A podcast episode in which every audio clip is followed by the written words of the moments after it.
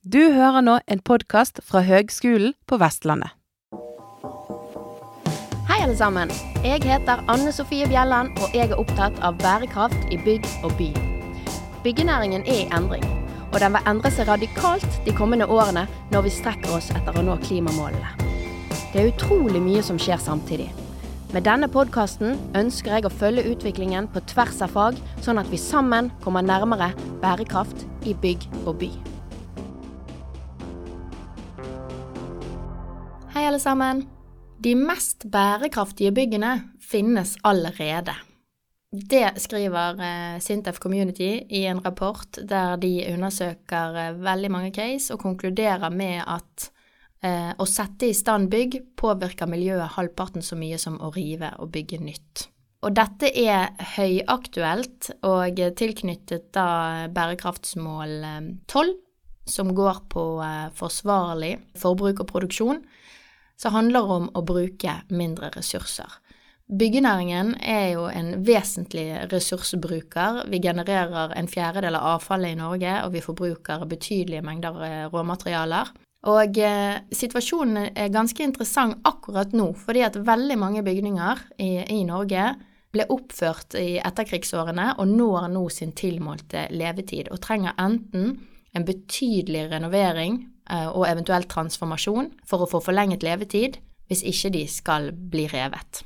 Vi ser at vi nærmer oss denne Altså, vi har allerede entret denne fasen der mange bygg når sin levetid, for hvis du ser på statistikken til SSB, så er det en stigende kurve på avfall fra riving. Og ser vi på hva som faktisk genereres av avfall, så er også den største posten av, i avfallet som genereres fra, eh, fra byggenæringen, og den er dobbelt så stor, eh, og over dobbelt så stor som de andre postene, det er avfall Eh, fra teil, betong og andre tyngre bygningsmaterialer. Dette måles jo i tonn, og dette er jo tunge materialer, så det er jo ikke så rart at den er veldig stor, men den er også veldig utslippsdrivende. Eh, så her er det mye fokus for tiden på å unngå riving og se om man kan forlenge levetid. Og dette er jo også på en måte første punkt i sirkulærøkonomilæren, at det første du må gjøre, er å bruke ting mer. Så her er det snakk om å, å, la byggene stå lengre, eller i hvert fall så mye som mulig av byggene. Um, det er sånn i dag at vi river sånn ca. 3350 større bygg hvert år. Så her er det jo et potensial, kanskje. Men samtidig så skal man jo også, når man da transformerer og renoverer, ivareta en kvalitet og ikke minst en hel skokk av krav som stilles til bygg i dag. Så eh, det er ikke bare bare lett. Og dette eh, har vi hatt litt interesse for her på Institutt for byggfag.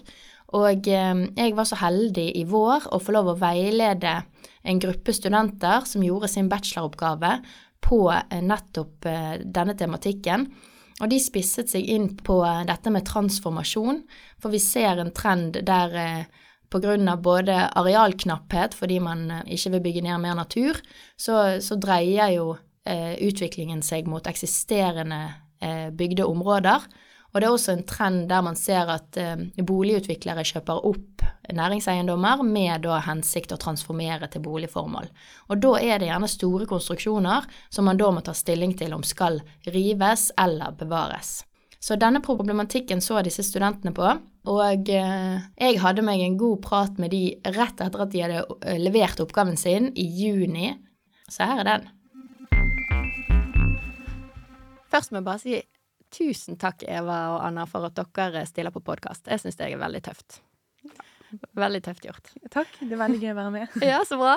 Eh, kanskje vi skal begynne med liksom, eh, hvorfor dere valgte å gå på byggingeniørstudiet? Eh, og si gjerne hvilken fordypning òg. Uh, vil du begynne, Eva? Ja.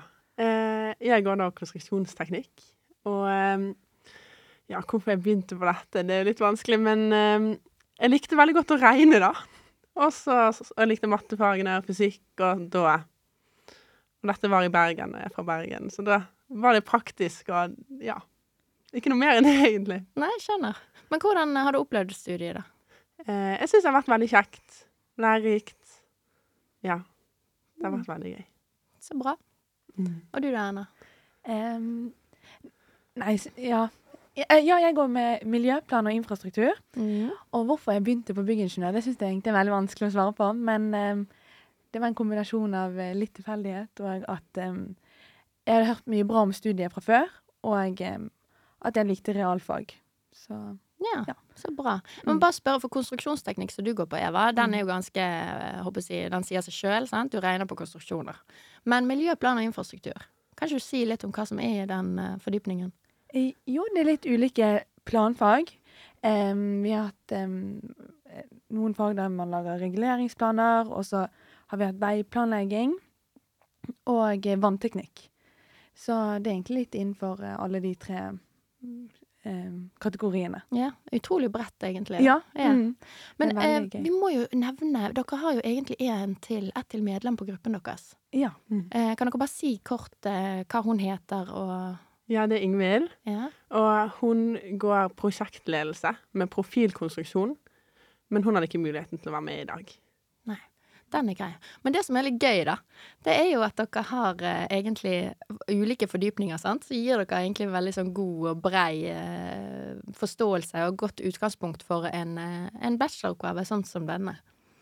Eh, men vi, hvis vi går inn på bacheloroppgaven, da, vil dere begynne med å fortelle litt om bakgrunnen for at dere valgte nettopp temaet transformasjon? Eh, ja, det var jo egentlig fordi at um, um, I et klimaperspektiv så har jo, spiller jo byggenæringen en viktig rolle. De, det er jo, eh, de står for 40% av utslippene, og eh, det er derfor stort potensial eh, i bransjen. Eh, og så er det jo em, arealpolitikken i Bergen kommune som eh, gjør det strengere å bygge. Og som en følge av det, følge av det da, så er jo, har jo næring, nei, eiendomsutviklere startet å kjøpe eh, næringstomter som de ønsker å transformere til bolig. Ja. Og det syns vi er veldig spennende. Ja. Så ønsket vi å fordype oss innenfor det. Utrolig Mm. spennende tema. ja. Eh, og problemstillingen deres, jeg kan jo bare lese den opp. Jeg har notert han her. Rive eller rehabilitere. Hvilke utfordringer møter boligutvikler og kommunen når en næringseiendom transformeres til bolig? Mm. Veldig spennende. Og da er det jo i hovedsak utfordringene rundt spørsmålet rive eller rehabilitere Ja. eh, dere ser på. Men hvordan gikk dere fram for å liksom svare på denne problemstillingen, da? Eh, ja, først var jo Det var jo ikke så klart i starten. Vi visste på en måte bare at vi ville se på næringseiendommer som skulle bli til bolig. Og så eh, måtte vi jo tenke litt, da, men så kom vi etter hvert fram til at vi da ville se på to parter. Eh, boligutvikler og kommunen, da. For det var lettest å forholde seg til to, og vi tenkte at det var de to vi ville undersøke. Så da eh, var det jo litt med hjelp av deg. Vi fant eh, tre ulike prosjekter som vi da kontaktet eh, boligselskapene. Og så kontaktet vi noen i kommunen, da, både på planavdelingen Vi begynte med planavdelingen. Og så mente planavdelingen at vi skulle ta kontakt med byggesak, så da snakket vi med de. Og så ble det òg nevnt en sånn klimarådgiver i kommunen, så da snakket vi med hun, da.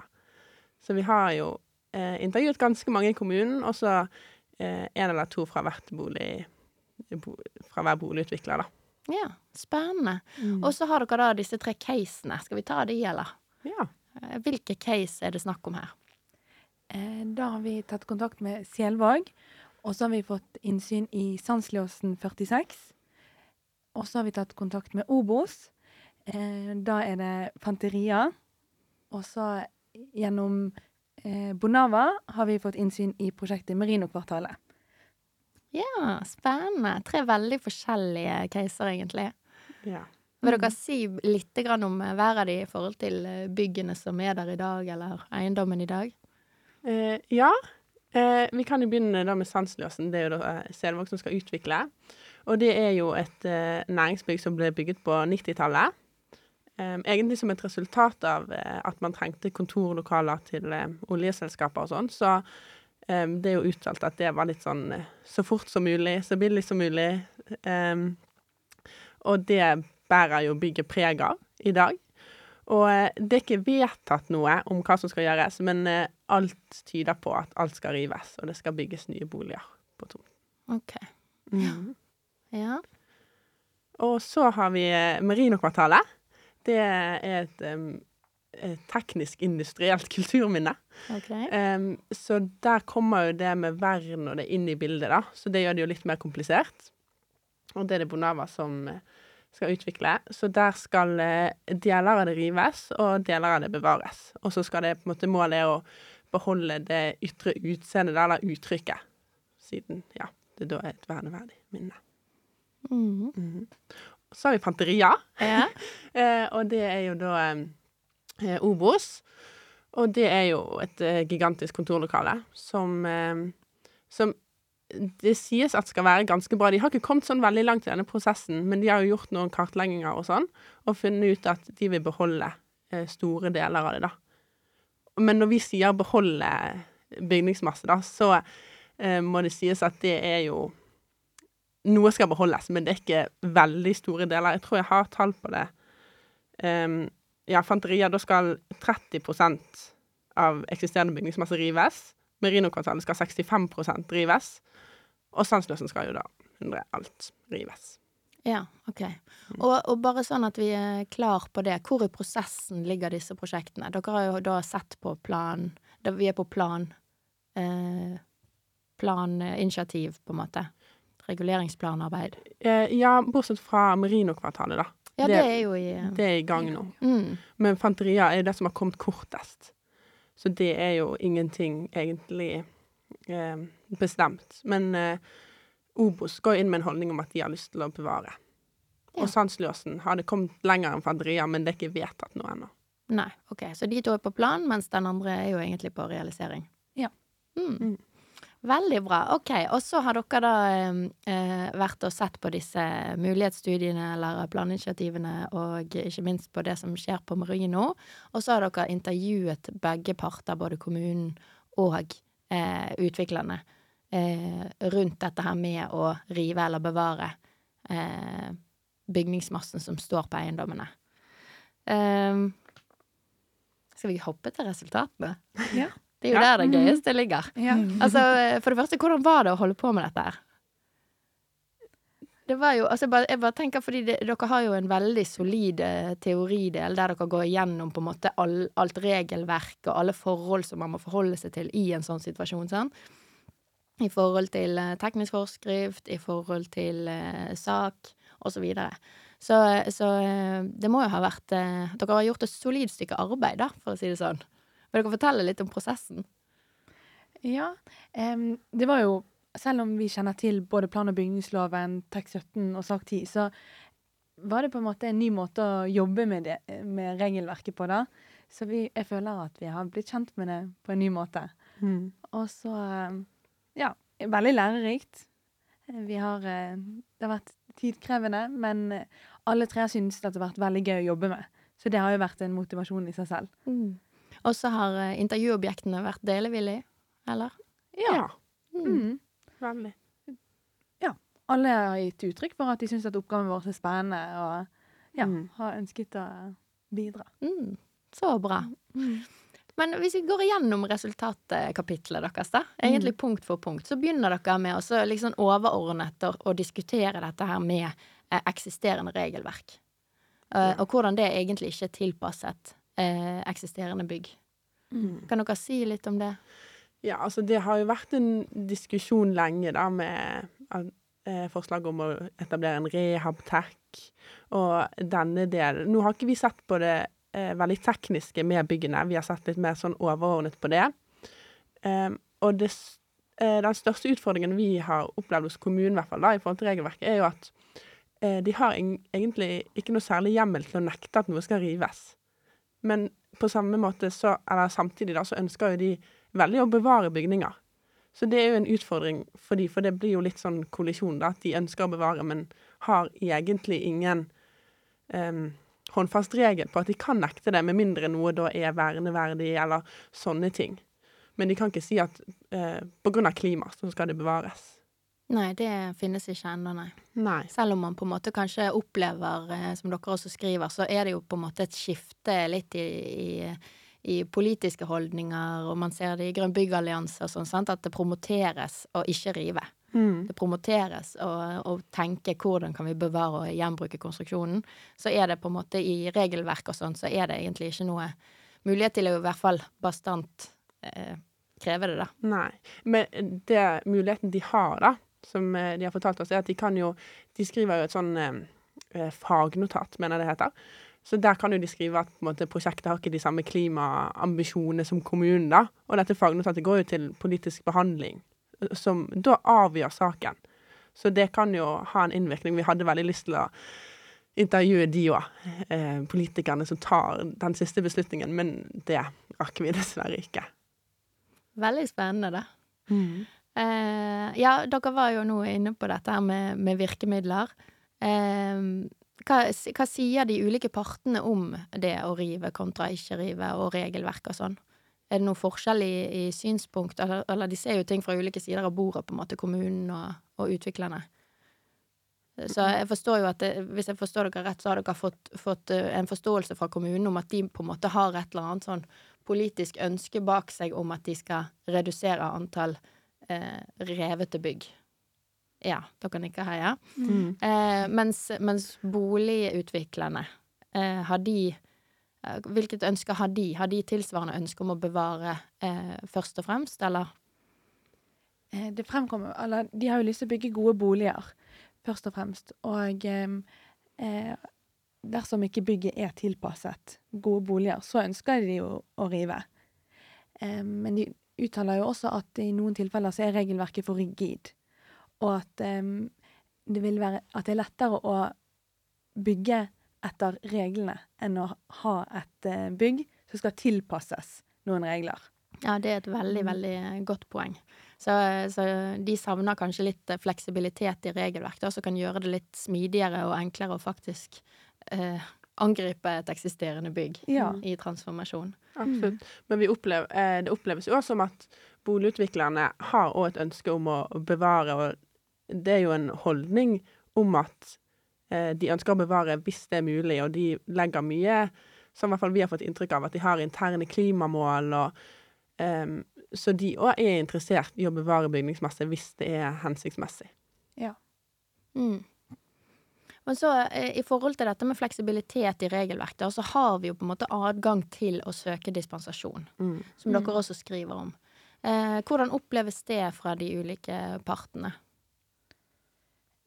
Fra boligutviklerne sin side så sier, forteller jo de at, eh, at dispensasjoner det er jo et viktig virkemiddel, men at prosessen ofte tar så lang tid og det å få gjennom en dispensasjonssøknad. Så derfor eh, velger de jo i, i, mange tilfeller å unngå det. Eh, og mm. det er jo en utfordring. Ja. Og et eksempel mm. som har blitt trukket fram, er f.eks. Eh, i materialbruk. da, Så skjer det jo eh, store endringer veldig fort nå. Så eh, noe som de har planlagt si for to år siden, da, som i dag de har egentlig nye løsninger som de kunne brukt som kunne vært bedre, så unngår de å søke dispensasjon fordi at de er redd for å få avslag, og det bare blir en lengre prosess da, og mer tid og mer penger og ja. Ja, så da bygger man heller etter den gårsdagens løsning, da. Mm. Ja, det er jo veldig uheldig, da. Ja. Men er det, ja, for det, er det sånn ingen frist på dispensasjonssøknad i forhold til behandlingstid? Ja. som vi har funnet ut, så er det ikke det. Ok, De Eller kan i hvert fall de har betalt, i hvert fall. Ja. Mm. De kan i hvert fall trekke ganske godt ut. Mm. mm. Mm. Og så er dere inne på på en måte den eneste håndfaste eh, Det håndfaste argumentet som kan på en måte forby riving, da. Mm. For uansett hvor illefatt det er, det er jo dette med verneverdi, eller bevaringsverdi. Ja. Der er begrepsbruken min ikke helt på topp. Jeg vet ikke helt hva man eh, skal bruke helt uh, riktig, men det vet kanskje dere. Men, uh, men, hvordan opplever de det, da? Det er jo ett av prosjektene her som, som har det. Uh, ja, Marinekvartalet, det er jo um, et teknisk-industrielt kulturminne. Altså at det har en verdi i form av at Marinokvartalet, det er jo gamle Merino-spinneriet. Um, så det har jo sånn sett en industriell verdi, fordi at det er et um, godt eksempel på noen av de På et stort og viktig næringsbygg da, som har vært i Bergen gjennom tidene. Så på grunn av det så er jo det vanskeligere å foreve det. Og byantikvaren og byarkitekten. Og det er på en måte flere eh, som er innblandet i prosessen, da, og som har en interesse i hva som skjer med dette bygget. Ja, med en gang det har den statusen, så er det mm. flere mm. som skal ha uttalelsesrett, ja. eller ja. Mm. Mm.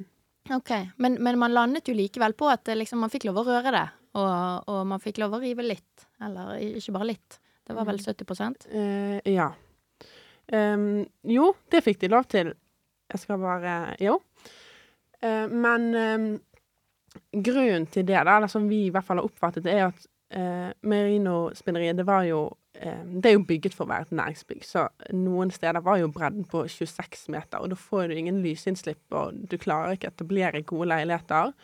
Og det var jo et gårdsrom i midten der, men det var jo så smalt og høyt, da, hvis man kan si det, hvis dere ser det for dere, at um, det var på en måte ikke noe man kunne bruke som et godt uteoppholdsareal. Og det stilles jo krav til det å få boliger, så derfor fikk de jo lov til å rive sørsiden, da kan man si, eller ned mot vannet. Der uh, har de fått drive der, og så har de bygget en bro i topp, og så har de um, trukket på en måte inn vindusfasaden i bunnen, sånn at det skal på en måte beholde litt av det gamle uttrykket, da. Mm.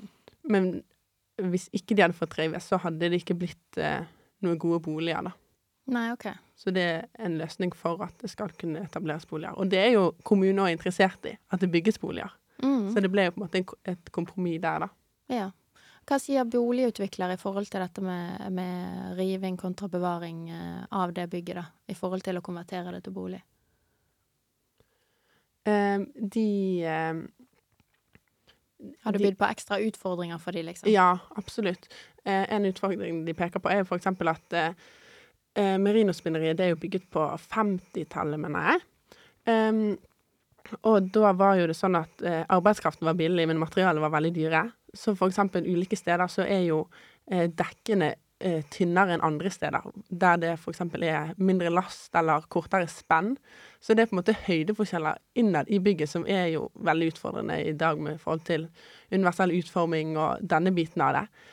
Um, så de ønsket jo å bevare, men det var noen deler som ikke var Altså sånn, som måtte endres på. Ja, Så da får på en måte dagens eh, krav til boliger eh, De får på en måte trumfe verneverdigheten, da, ja, kan man det si. kan man jo på en måte si. Ja.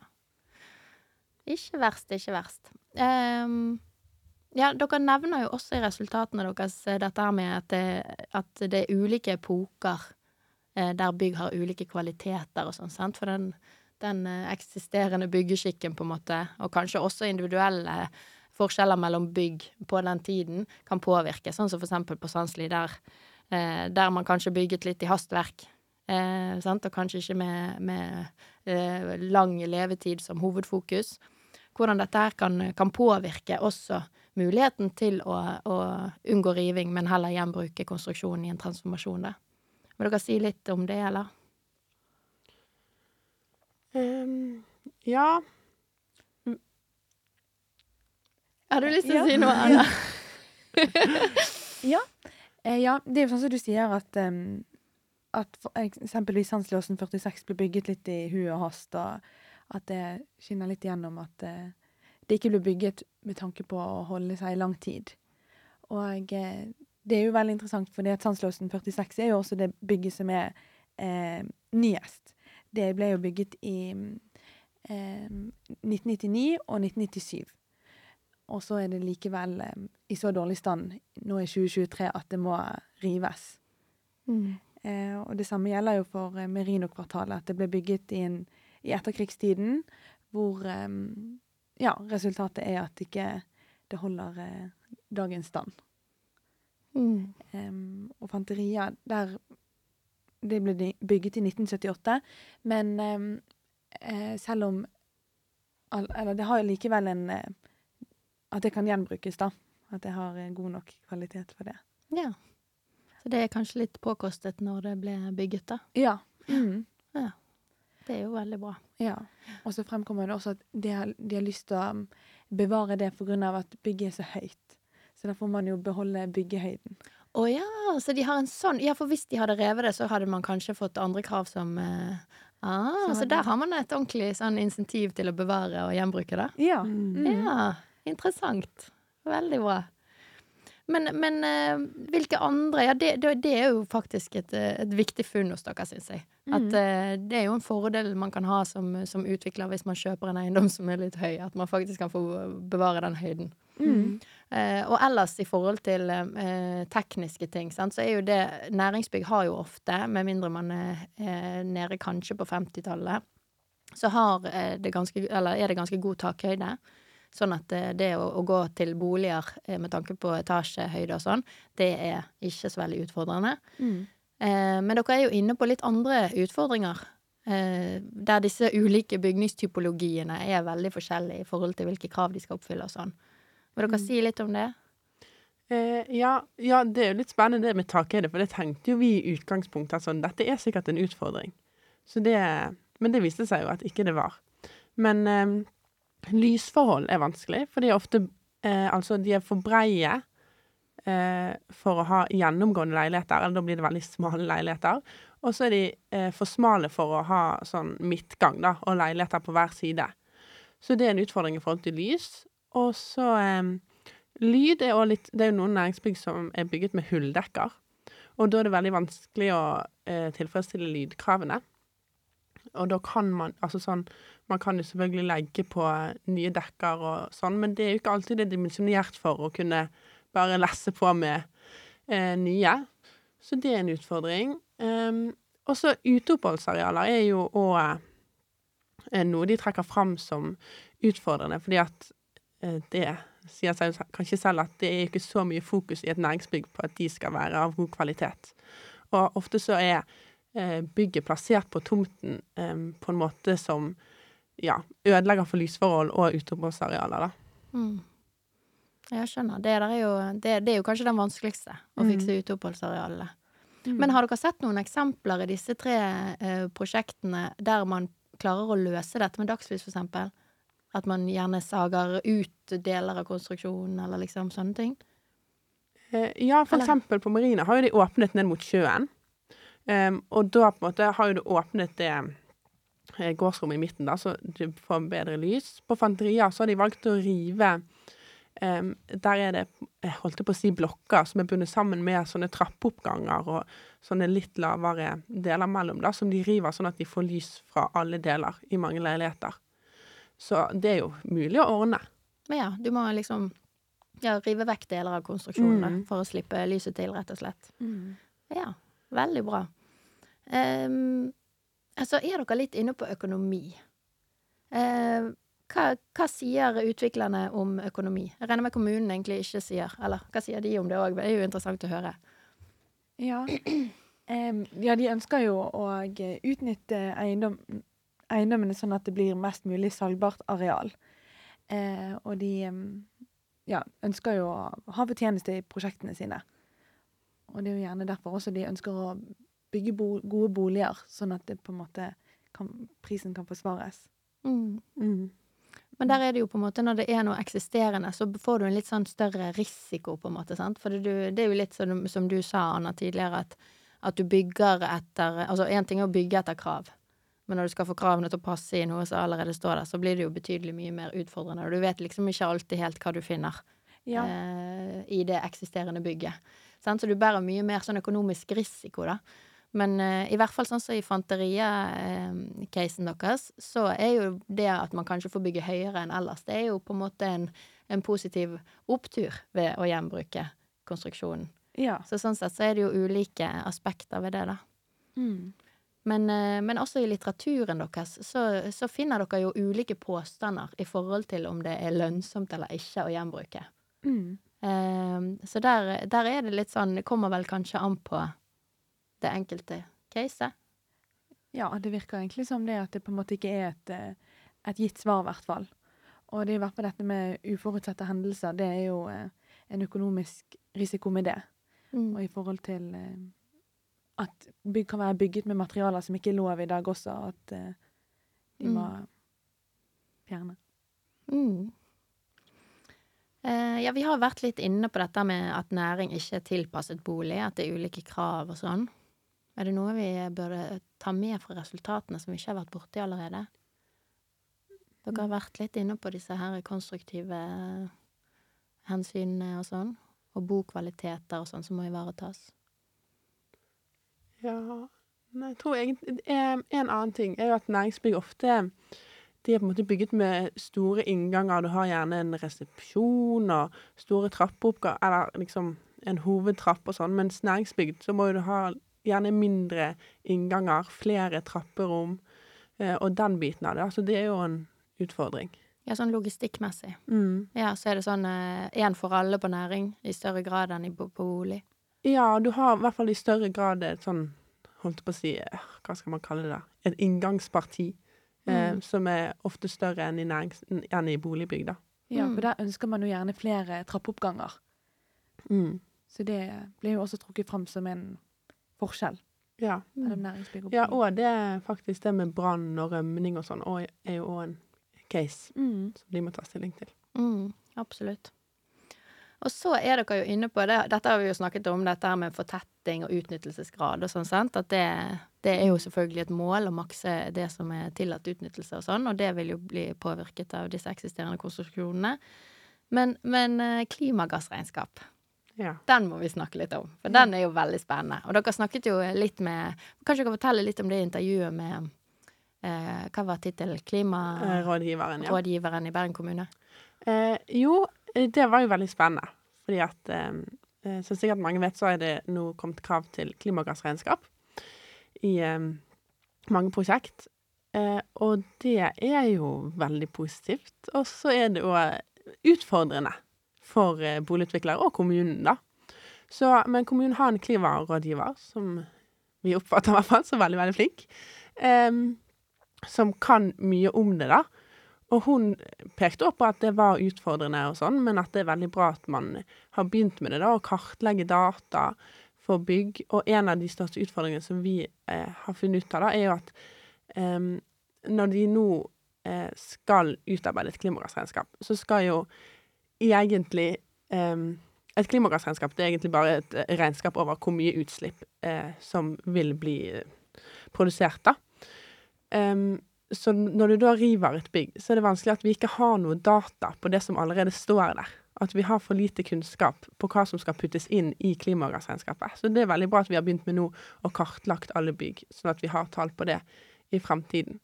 Men av at eh, det er litt utfordrende med dette klimagassregnskapet, og i hvert fall tidlig i planprosess, hvor egentlig lite er bestemt, så har de jo nå innført en klimanorm som har kommet veldig nylig nå, som er em, jeg vet ikke om man kan si en forenkling av klimagassregnskapet, men det er i hvert fall um, noe man skal gjøre helt tidlig i planprosessen, hvor man skal på en måte fastsette noen ambisjoner, og man får liksom en poengscore ut fra uh, egentlig alt mulig. Materialbruk, gjenbruk, hvor det er bygget, um, hvor mye som er bygget. Ja, det er veldig mange ulike parametere som skal inn, da. Men som um, vi tror da at kommer til å gjøre det lettere uh, tidlig i planprosess å få mer klimavennlige prosjekter, da. Ja, så det er en litt, litt sånn mindre tallfestet eh, Mm. eh, greie enn Ja. det som kanskje har vært frem til nå, Ja. eller frem til klimanormen kom. Mm. Bare host, du. Veldig bra. Vil du hoste mer? Jeg tror jeg fikk det ut. Veldig bra. Eh, jeg vil dere fortelle litt mer om klimanormen? Um, nei, vi har ikke um, det, det, Siden den er så ny, så er det ingen av våre prosjekter Jo, Sandsløsen han kom faktisk med det helt, um, helt på tampen av vår oppgave. Men det var liksom um, siste uken hvor vi uh, egentlig hadde nok å ta tak i. Så vi har ikke gått i dybden på det, da. Men det var jo litt spennende å se at noen har utviklet det. Men uh, vi har jo ikke siden det er såpass nytt, så har ikke vi kunnet sett så nøye på det i de ulike prosjektene. Men det er jo noe som hadde vært veldig spennende å følge opp i ettertid, da. Og Mm.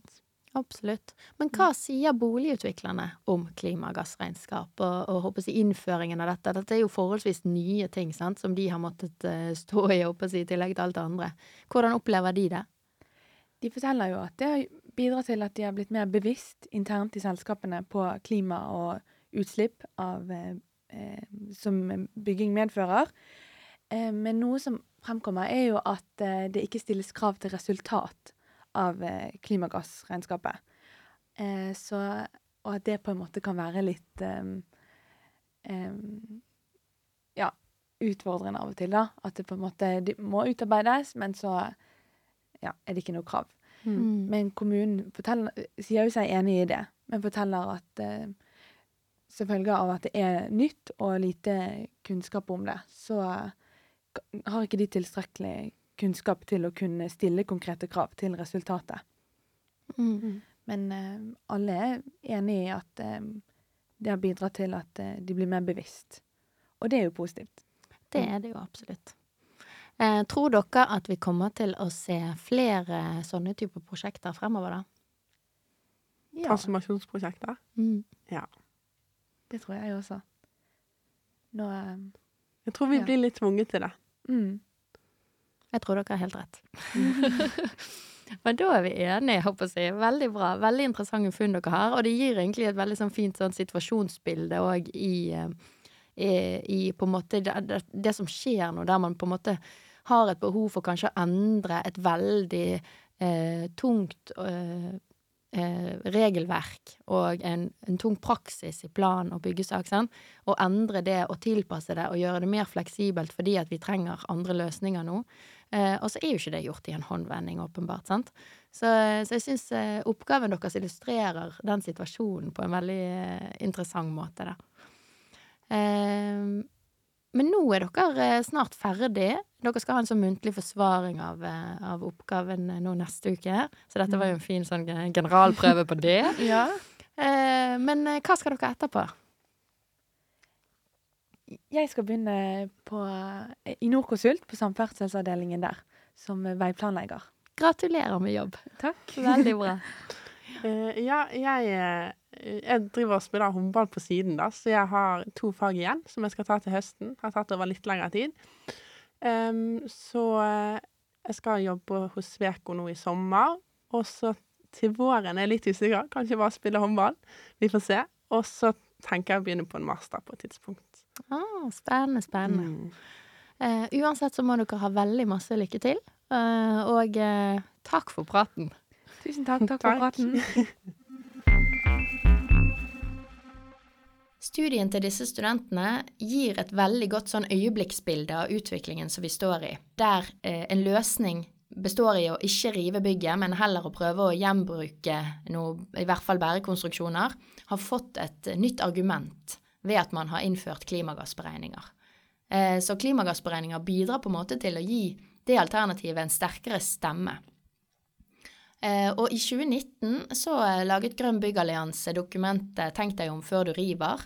Eh, og det er jo for at, for at eiendomsbesittere nettopp skal gjøre det i disse prosessene. Da. Og det ser det jo ut som disse prosjektene her virkelig har gjort. Her er det laget tydelige scenario for de ulike alternativene. Og dette var ikke nødvendigvis noe som ble gjort bare noen år tilbake på sånne, sånne prosjekter, altså den type bygg, da. Og så er det dette med å få gamle løsninger til å oppfylle dagens krav. Det er en veldig viktig utfordring. Og det fikk vi jo illustrert i denne studentoppgaven. Um, og der, Det som ikke fanges opp i, opp i denne studentoppgaven, det er at plan- og bygningsloven fikk en, um, en endring nå 1.1 i år. Uh, og den tror jeg faktisk jeg skal lese. Det er i paragraf 31-4. Kommunens adgang til å gi helt eller delvis unntak fra krav. Og Der står det at ved tiltak på eksisterende byggverk kan kommunen gi helt eller delvis unntak fra tekniske krav dersom det vurderes som forsvarlig ut fra sikkerhet, helse og miljø. Ved vurderingen skal kommunen legge vekt på følgende byggverkets alder, formell vernestatus, type, formål, plassering, varighet av tiltak og nåværende situasjon, forhold som kan redusere negative konsekvenser ved at det gis unntak, og fordeler som oppnås ved tiltaket. Og det, denne paragrafen her, eller denne regelendringen, den er jo egentlig akkurat det som eh, studentene illustrerer at vi trenger. Så det som blir veldig spennende å se nå, det er hvordan denne eh, muligheten brukes i praksis. Hvordan kommunene benytter seg av den eh, fleksibiliteten som her blir gitt. For det blir jo et spørsmål, sant? hvor langt kan du strekke strikken uten at det forringer kvalitet i så stor grad at man ikke vil ha det, på en måte. Dette blir en veldig spennende paragraf å, å følge, men det er absolutt en nødvendig paragraf. Og den stimulerer til det som vi virkelig trenger nå for eh, å få i pose og sekk. Både bevare og lage gode løsninger. Da trenger vi kreativitet. Så eh, vi får bare være kreative, folkens. Ha det godt.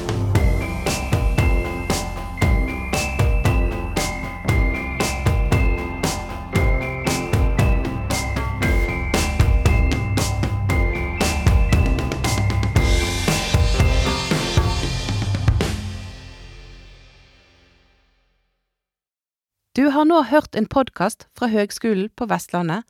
For å høre flere podkaster, besøk hvl.no slash podkast.